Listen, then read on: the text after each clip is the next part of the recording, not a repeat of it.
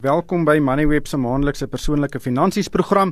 En ons gaan vandag gesels oor 'n baie baie belangrike onderwerp. Ons gaan gesels oor skuld en veral krediet, korttermyn lenings en mikrolenings. Nou dit is uh, iets wat baie mense al baie duur gekos het en, en nie net finansiëel nie, dit het al baie lewensveranderende gevolge vir individue en huishoudings meegebring.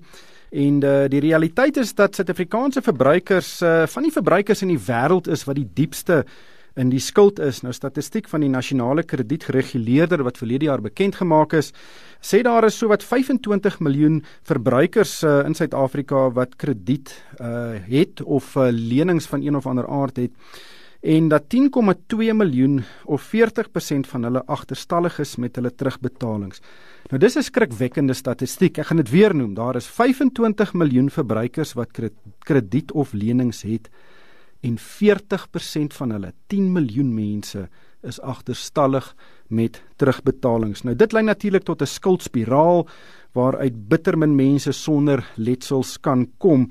Ehm um, ek het twee gaste met wie ek vandag gaan gesels. Uh Anne Karin de Plooi, sy's van die nasionale kredietreguleerder. Ehm um, Anne Karin, baie welkom by die program. Môre, môre luisteraars. En ook Derek Venter, hy's hoof van krediet by Absa se kleinhandel en sakebank. Goeiemôre Derek. Môre Ryk, môre luisteraars.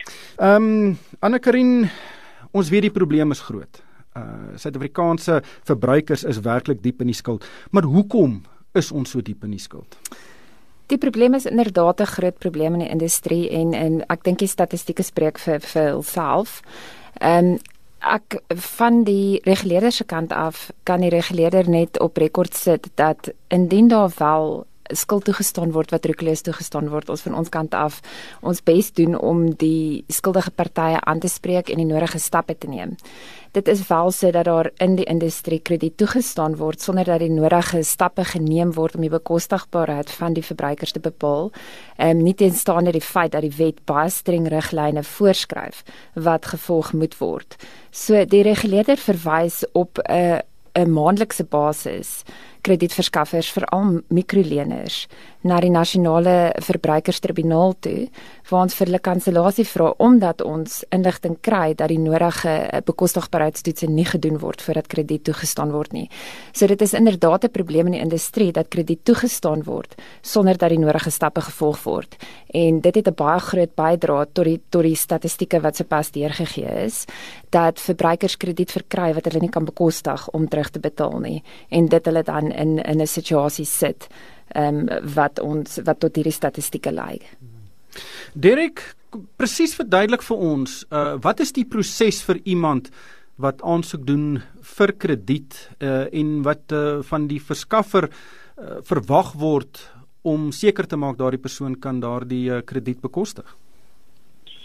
Uh dankie Ryk. Ja, dit so die die proses begin natuurlik by die behoeftes van die kliënt. Ehm um, hy sal dan die finansiële kredietverskaffer nader deur enige van die verkoopskanale wat beskikbaar is. Tipies is dit 'n dak of 'n kontaksentrum of 'n internet of 'n applikasievorm uh, platform wat wat ons nie, wat meer bekend staan as uh, as 'n app. Um, of 'n privaat bankier. Ehm um, die verbruiker vul dan die applikasievorm in. Ehm um, vir breedweg jy weet die persoonlike besonderhede omvat jou inkomste en uitgawes die gegevens van die lenings, die betalingsmeganismes ensovoorts. En dan wat die verbruiker dan moet voorsien is ehm um, bewys van inkomste en uitgawes ehm um, in die vorm van bankstate of inkomste strokies oor die laaste 3 maande. Ehm um, 'n ID-dokument en indien die kliënt nie tot daai finansiële kredietverskaffer is, net bewys van adres en bewys van inkomste. Die lening word dan natuurlik goedgekeur of afgekeur op grond van die inligting wat wat voorgelê word.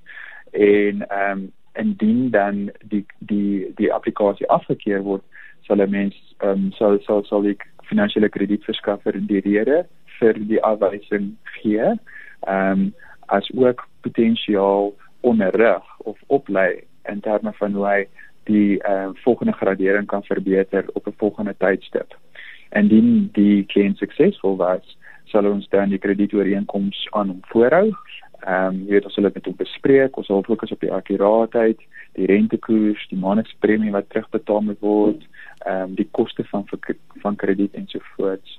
Ehm um, die kliënt teken die kontrak en die net tevrede is en die bedrag sal dan uitbetaal in die transaksionele rekening van u keuse. So julle kyk uh, na die julle kyk na die bankstate of die persoon die waarheid praat want ek het ook al van daai vorms ingevul en baie van hulle is regtig eenvoudig. Uh, soms is daar byvoorbeeld net 5 lyntjies waar jy nou al jou uitgawes moet uh, neerskryf. Uh, kyk julle spesifiek of dit die waarheid is wat die mense daar neerskryf. Wel dit verskil van van uh, finansiële kredietverskaffers. Ehm um, die wet vereis dat die inkomste ehm um, jy weet uh, gevalideer moet word. Ehm um, maar sekere uh, sekere kredietverskaffers gaan uh, doen die ekstra moeite om na die om na die maandelikse uitgawes te kyk, ehm um, sowel as die maandelikse uh, krediet terugbetalings. Wat ek ook moet sê is deur die nasionale wet, uh, die kredietwet word ons ook verplig om sekere standaarde in plek te hê soos met ander woorde 'n minimum 'n minimum lewens ehm um, lewenskoste tabel. Ehm um, en om, ons moet ook ehm um, jy weet inligting van die bureau gebruik om seker te maak wat die wat die kliënt neersit is is eintlik uh, die regte waarde. Ehm um, want dit dit is 'n addisionele bron van inkomste wat ons kan gebruik om daai ehm um, waardes wat die kliënt neergesit het te valideer. En, en dan ehm um, baie moeite is gedoen ehm um, jy weet oor oor die laaste paar jare om seker te maak dat die kredietverskaffers vinniger hulle hulle inligting deurgee aan die bureaus en dan regulasies ook in plek gesit om baie om die jongste inligting te gebruik. Ja. Jy weet vir 'n vir 'n vir vir um, hierdie tipe lenings moet inligting wat uh, jonger as 7 dae is ehm um, 'n werkstaal moet gebruik word om die kredietassessering te doen. Ja. En dit nie is nie gaan ons met ons die applikasieproses oordoen. Anna Karin werk hierdie stelsel. Die stelsel werk. Ehm um, ek dink die probleem waarmee ons in die industrie sit is dat alle kredietverskaffers dit nie akkuraat toepas nie. So wat ons opgetel het is dat kredietverskaffers byvoorbeeld die kredietburo verslae van die verbruiker sal trek en die inligting tot hulle beskikking sal hê, maar die uitgawes wat daarop reflekteer en en dis om 'n voorbeeld te noem, ehm um, word nie noodwendig in ag geneem wanneer die bekostigbaarheidstoetse gedoen word nie. Ehm um, dit gebeur ook in die industrie en daar was onlangse uitsprake gewees in sake wat ons verwys het waar daar 'n bekostigbaarheidstoets gedoen word en daar bevind is deur die toets dat die verbruiker nie die die die lening kan bekostig nie maar ten spyte daarvan word die lening steeds toegestaan. Ehm um, so die lening is uit en uit roekeloos. Ehm um, die meganismes wat deur wet voorgeskryf word is is definitief ehm um, akkuraat en dis definitief voldoende. Die probleem waarmee ons sit is dat nie alle kredietverskaffers dit op hierdie stadium toepas soos wat dit voorgeskryf is nie. Ja, ek dink daar's 'n persepsie dat baie mense klop eers by 'n bank aan om 'n lening te kry, dan die banke is relatief streng. Keer dan die aansoek af en dan gaan daai persoon na 'n mikrolener toe of die ek dink die algemene naam is 'n loan shark en daar word lenings uh toegestaan maar indien die persoon nie kan terugbetaal nie dan vol, begin daar 'n hele proses om daai geld terug te kry by die persoon daar's regskoste daar is 'n uh, um invorderingskoste wat soms 'n uh, hele klomp keer meer is as wat die oorspronklike leenbedrag was uh en ek is dit die die wortel van die probleem dink nie die kostes is die wortel van die probleem nie. Die manier waarop die lening toegestaan word is die wortel van die probleem. Ehm um, en die wortel van die probleem is nie noodwendig ons geregistreerde entiteite nie. Ons het opgetel en uh, die reguleerder is baie gefokus op die ongeregistreerde entiteite op hierdie stadium. Um, omdat ons inligting ontvang van ongeregistreerde entiteite wat krediet toestaan. So daar word glad nie aan die vereistes van die wet um, deur hierdie entiteite voldoen nie um, bloot omdat hulle onder die indruk is omdat hulle ongeregistreer is, ons hulle nie gaan reguleer nie en ons nie bewus gaan raak van hulle in die industrie nie. Ehm um, die reguleerder maak ook baie staat op inligting wat ons ontvang van die publiek om ehm um, kredietverskaffers te ondersoek. So indien daar enige verbruikers is wat bewus is daarvan dat daar 'n lening aan hulle toegestaan is wat roekeloos toegestaan is, moet die inligting aan die reguleerder deurgegee word. Ehm um, ons probeer om 'n uh, 'n uh, 'n kwartaallikse 'n uh, uh, monitor um ondersoeke te doen en te identifiseer, maar uit die aard van die saak is die industrie net dood eenvoudig te groot vir ons dat ons by alle kredietverskaffers kan uitkom. Wat is die sê nou maar jy iemand uh, het 'n lening roekeloos ontvang, die uh, kredietverskaffer het nie sy werk gedoen nie en die uh, geval word by julle aangemeld. Wat kan gebeur met daai lening? Kan daai lening teruggeskryf word? Die proses sal wees as dit by ons aangemeld word, sal ons klagte afdeling dan met die kredietverskaffer in verbinding tree. Um, ons sal oog beoog om alle um, dokumente en ondersteunende dokumente wat gebruik is ten tye van die bekostigbaarheidstoets in die hande te kry en dan ons eie assessering doen om te te bepaal of die krediet roekeloos toegestaan is of nie. Indien dit roekeloos toegestaan is, sal die kredietverskaffer in alle waarskynlikheid deur ons ondersoek word, waar een van ons inspekteurs na sy perseel sal gaan en ons 10-20 eh, verbruikerleers sal trek om te sien of dit 'n trend is vir hierdie kredietverskaffer om krediet toe te staan sonder om die nodige um, riglyne van die wetgewing na te kom. Indien ons bevind dat die kredietverskaffer dit wel doen, sal ons waarskynlik die kredietverskaffer na die tribunaal verwys. Ehm um, in die geval waar 'n uh, lening roekeloos toegestaan word, uh, word daar gewoonlik 'n bevel toegestaan dat alle kostes teruggeskryf word. Die kapitaalbedrag wat aan die verbruiker uitbetaal is, word in die meerderheid van die gevalle terugbetaal aan die kredietverskaffer, maar alle kostes sal dan teruggeskryf word indien dit roekeloos is en die, die nasionale verbruikerstribunaal met die reguleerders saamstem. Hier is 'n hele paar SMS'e wat deurkom. Ek gaan 'n paar lees. Uh, kredietverskaffers is beslis skuldig uitroepteken. My suster kry kredietkaarte, winkelkaarte ensovoorts sonder om daarvoor te vra en sy weet sy kan dit nooit terugbetaal nie. Sy staan vrot van die skuld.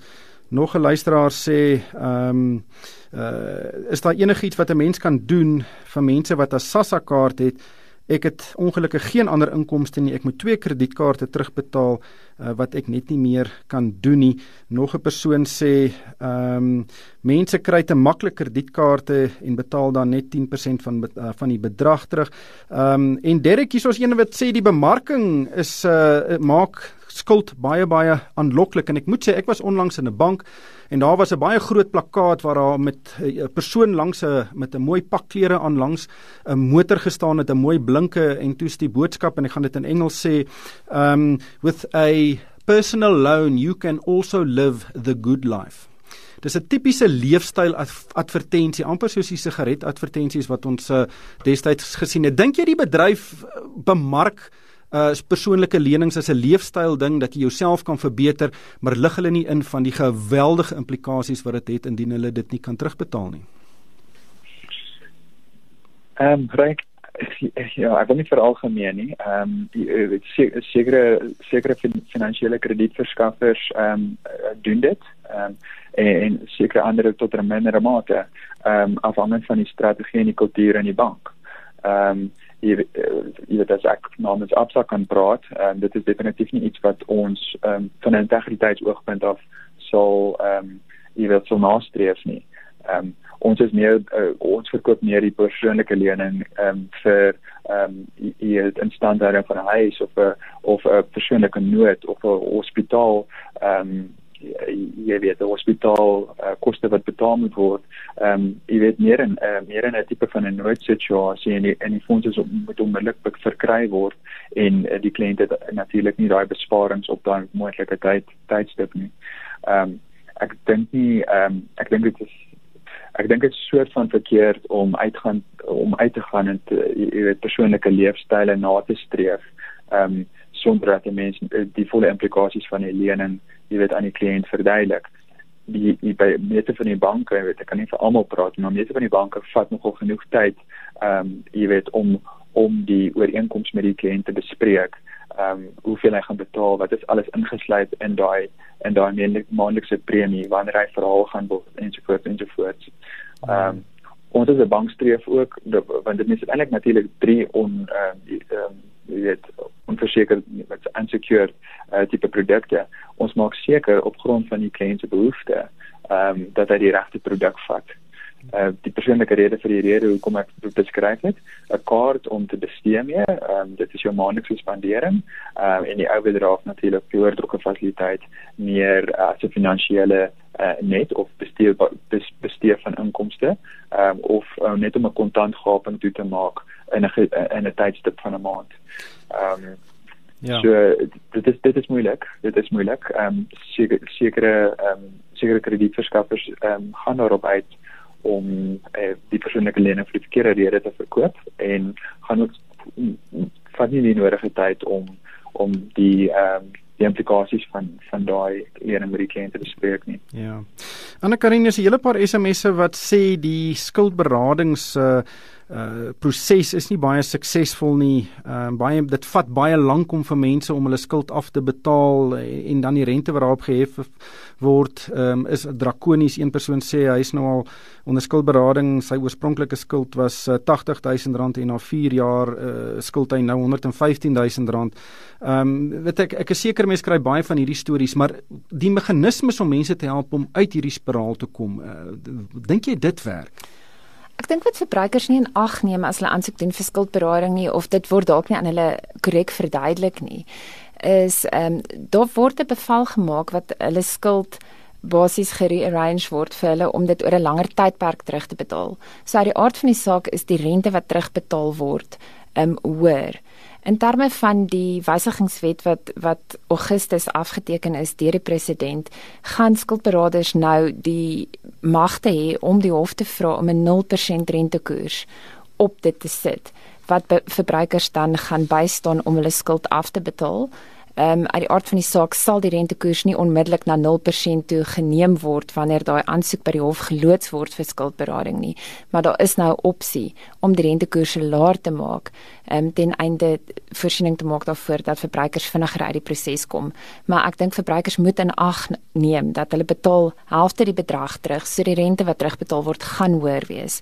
Daar is ook 'n maksimum rente wat gevra kan word op die die ehm um, bedrag wat terugbetaal word en gewoonlik met skuldberading hardloop dit op tot op die maksimum rente wat toegelaat word in terme van ons wet voordat die kapitale balans dan gedelg word. Weet jy hoeveel mense uh, word uh, heeltemal of stap by 'n um, skuldberadingsproses uh, uit waar hulle al hulle skuld afbetaal het? Hoe hoe suksesvol is daardie hele proses? Ek het ongelukkig nie die statistieke van hoeveelheid wat suksesvol die hele proses voltooi nie. Ehm um, maar ek dink wat gebeur in die industrie is sodra verbruikers se finansiële situasie verander, word daar aansoek deur die verbruiker geloods om uit die proses te tree. Ehm um, bloot omdat die verbruiker weer in die kredietindustrie wil deelneem en weer in die mark wil deelneem. So die verbruiker eh, doen dan 'n aansoek om die die skuldberadingsproses te verlaat. Ek dink die grootste uitdaging wat die reguleerder opgetel het met skuldberading is dat ehm um, skuldberaders nie binne die 60 dae tydperk wat in terme van die wet voorgeskryf word, die aansoeke na die hof te verwys nie en daar dan nog steeds deur kredietverskaffers terminasies en stappe teen verbruikers geneem word. Kyk, ek dink eh, in 'n baie groot mate is oningeligte verbruikers ook een van die probleme. Mens kan nie net die blame lê voor kredietverskaffers nie met werkloosheid op 30% uh natuurlik mense moet eet en en en baie keer word hierdie korttermynlenings daarvoor gebruik. Maar nou sit jy in 'n situasie waar daar's 25 miljoen mense in Suid-Afrika uh wat krediet het en bykans die helfte sukkel om hulle betalings te maak. Is hierdie nie 'n tydbom wat wag om te bars nie uh vir verbruikers en dalk selfs vir finansiële instellings Ek dink uh, ek kan nie namens die finansiële instellings praat nie, maar hulle het hulle hulle risiko meganismes wat hulle ook in ag neem wanneer 'n lening toegestaan word. Ek dink van die reguleerder se kant af, ehm um, soos ek voorheen genoem het, ons maak baie staat op inligting wat ons van verbruikers en van die industrie af ontvang. Daar is selfs kredietverskaffers wat vir ons inligting deurstuur van ehm um, kredietverskaffers wat nie voldoen aan die vereistes van die wetgewing nie. So as reguleerder maak ons staat op hierdie tipe inligting om die nodige stappe te neem teen die die kredietverskaffers wat nie voldoen aan wetgewing nie. Ehm um, as dan wetgewing voldoen word, is daar uh, ons ons is basies ons is 'n uh, creature of statute, ons is gebind deur die die riglyne in die wet. Ons hulle daar moet los uh, ongelukkig die tyd het ons ingehaal. Baie dankie aan Derek Venter, hy's hoof van krediet by Absa se kleinhandel en sakebank en ook aan die Karin de Plooy. Sy is by die nasionale kredietreguleerder. Luisteraars is welkom om vir my 'n e e-pos te stuur. My adres is ryk@moneyweb.co.za. En daarmee moet ons groet van my ryk van die kerk en die Moneyweb span. Dankie vir die saamluister.